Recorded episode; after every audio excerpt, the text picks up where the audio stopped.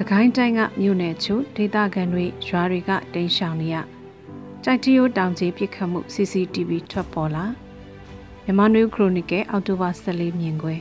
စကိုင်းတိုင်းချောင်းမြို့နယ်ကကျေးရွာတွေကိုစစ်ကြောင်းထိုးနေတာကြောင့်ကျေးရွာကလူ9000နီးပါးနေအိမ်တွေစွန့်ခွာပြီးတိမ်းရှောင်နေကြရတယ်လို့ဆိုပါတယ်။စကိုင်းတိုင်းမှာခုလိုအဖြစ်ပြက်မျိုးကဖြစ်နေကြအဖြစ်ပြက်တွေလို့ဆိုရမှာဖြစ်ပေမဲ့လည်းလူထောင်နဲ့ကြီးတဲ့ထွက်ပြေးတိမ်းရှောင်ရတာရိတ်ခါတွေပိုင်ဆိုင်မှုတွေဖျက်ဆီးခံရတာ နေအိမ်တွေမိရှုခံရတာနဲ့ကလေးတငယ်အရွယ်တွေပါသက်ဆုံးရှုံးကြရတဲ့အဖြစ်အပျက်တွေကိုတွေးကြည့်ရင်ဖြစ်ပျက်တိုင်းကိုသတင်းဖြစ်နဲ့ဖော်ပြဖို့အကြောင်းလုံလောက်တယ်လို့အနည်းနဲ့အမြန်ဖြစ်စေတာဝန်ခံမှုအတွက်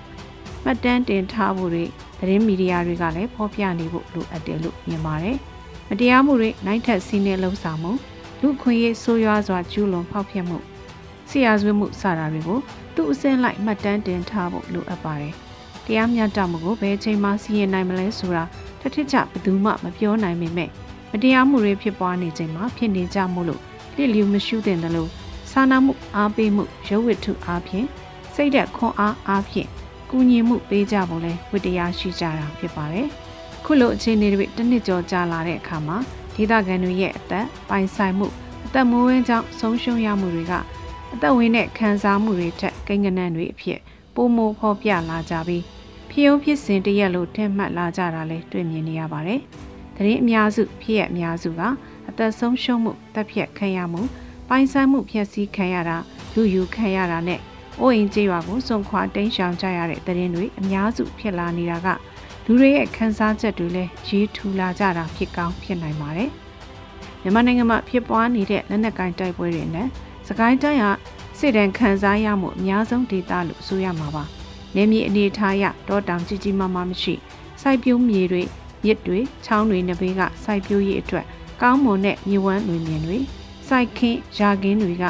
လက်နက်တန်းလေးရင်ရဟန့်ရင်နဲ့တိုက်ခိုက်တန်းအသက်ဆုံးရှုံးမှုတွေအများဆုံးနဲ့စစ်ကောင်စီတပ်ရဲ့ဒုက္ခပေးမှုကိုအခမ်းအနားဆုံးဒေသဖြစ်နေပါတယ်။သတင်းပတ်လိုက်လာအလိုက်မြို့နယ်တစ်ခုပြီးတစ်ခုသတင်းနဲ့အလဲကျပါရှိနေတယ်လို့ခန်းစားရပါတယ်။ တပရင်ချောင်းဦးဒဇယ်ကံဘလူကျွန်းလဝက်လက်ရေဦးစလင်းကြီးကဏီရင်းမပင်စသဖြင့်တမြို့နယ်ပြီးတမြို့နယ်အလဲကျတိုက်ခိုက်မီးရှို့ဖျက်ဆီးခံနေကြရတာဖြစ်ပါတယ်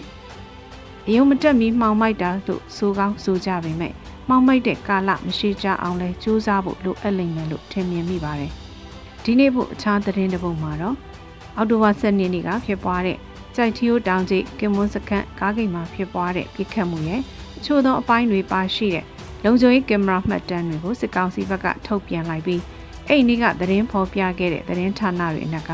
BBC သတင်းဌာနနဲ့ ARD သတင်းဌာနကိုအမှုဖွင့်တရားစွဲမယ်လို့ကြေညာလိုက်တာဖြစ်ပါတယ်။ကြိုက်တီယိုတောင်ကိုတက်ရောက်တဲ့ကားဂိတ်ဖြစ်တဲ့ကင်မွန်စခန်းကရဲနဲ့စစ်သားတွေရဲ့လုံခြုံရေးကင်းကိုတထုံခရိုင် PDF လို့ဆိုထားတဲ့အဖွဲ့တစ်ဖွဲ့ကအဲ့ဒီနေ့နနက်7:00နာရီလောက်မှာလာရောက်ပစ်ခတ်ရာကဖျားဘူးလာသူတွေတဲကမြို့သမီး3ဦးသေဆုံးပြီး 73လောက်ဒဏ်ရာရခဲ့တာဖြစ်ပါတယ်။ဒီအဖြစ်အပျက်နဲ့ပတ်သက်လို့စစ်ကောင်စီက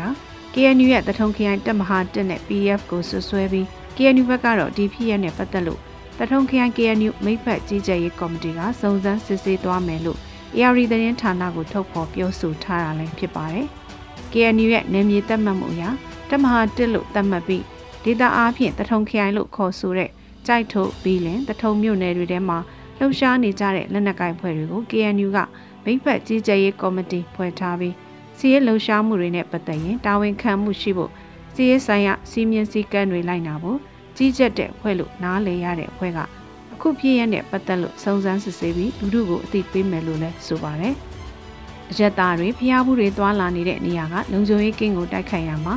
ရက်သားတွေထိခိုက်နိုင်ခြေရှိတာကြောင့် KNU အနေနဲ့တော့ဒီလိုတိုက်ခိုက်မှုမျိုးကိုဘယ်တော့မှမလုပ်ဘူးလို့လည်း မီဒီယာကိုပြောဆိုခဲ့တာဖြစ်ပါတယ်ရှင်။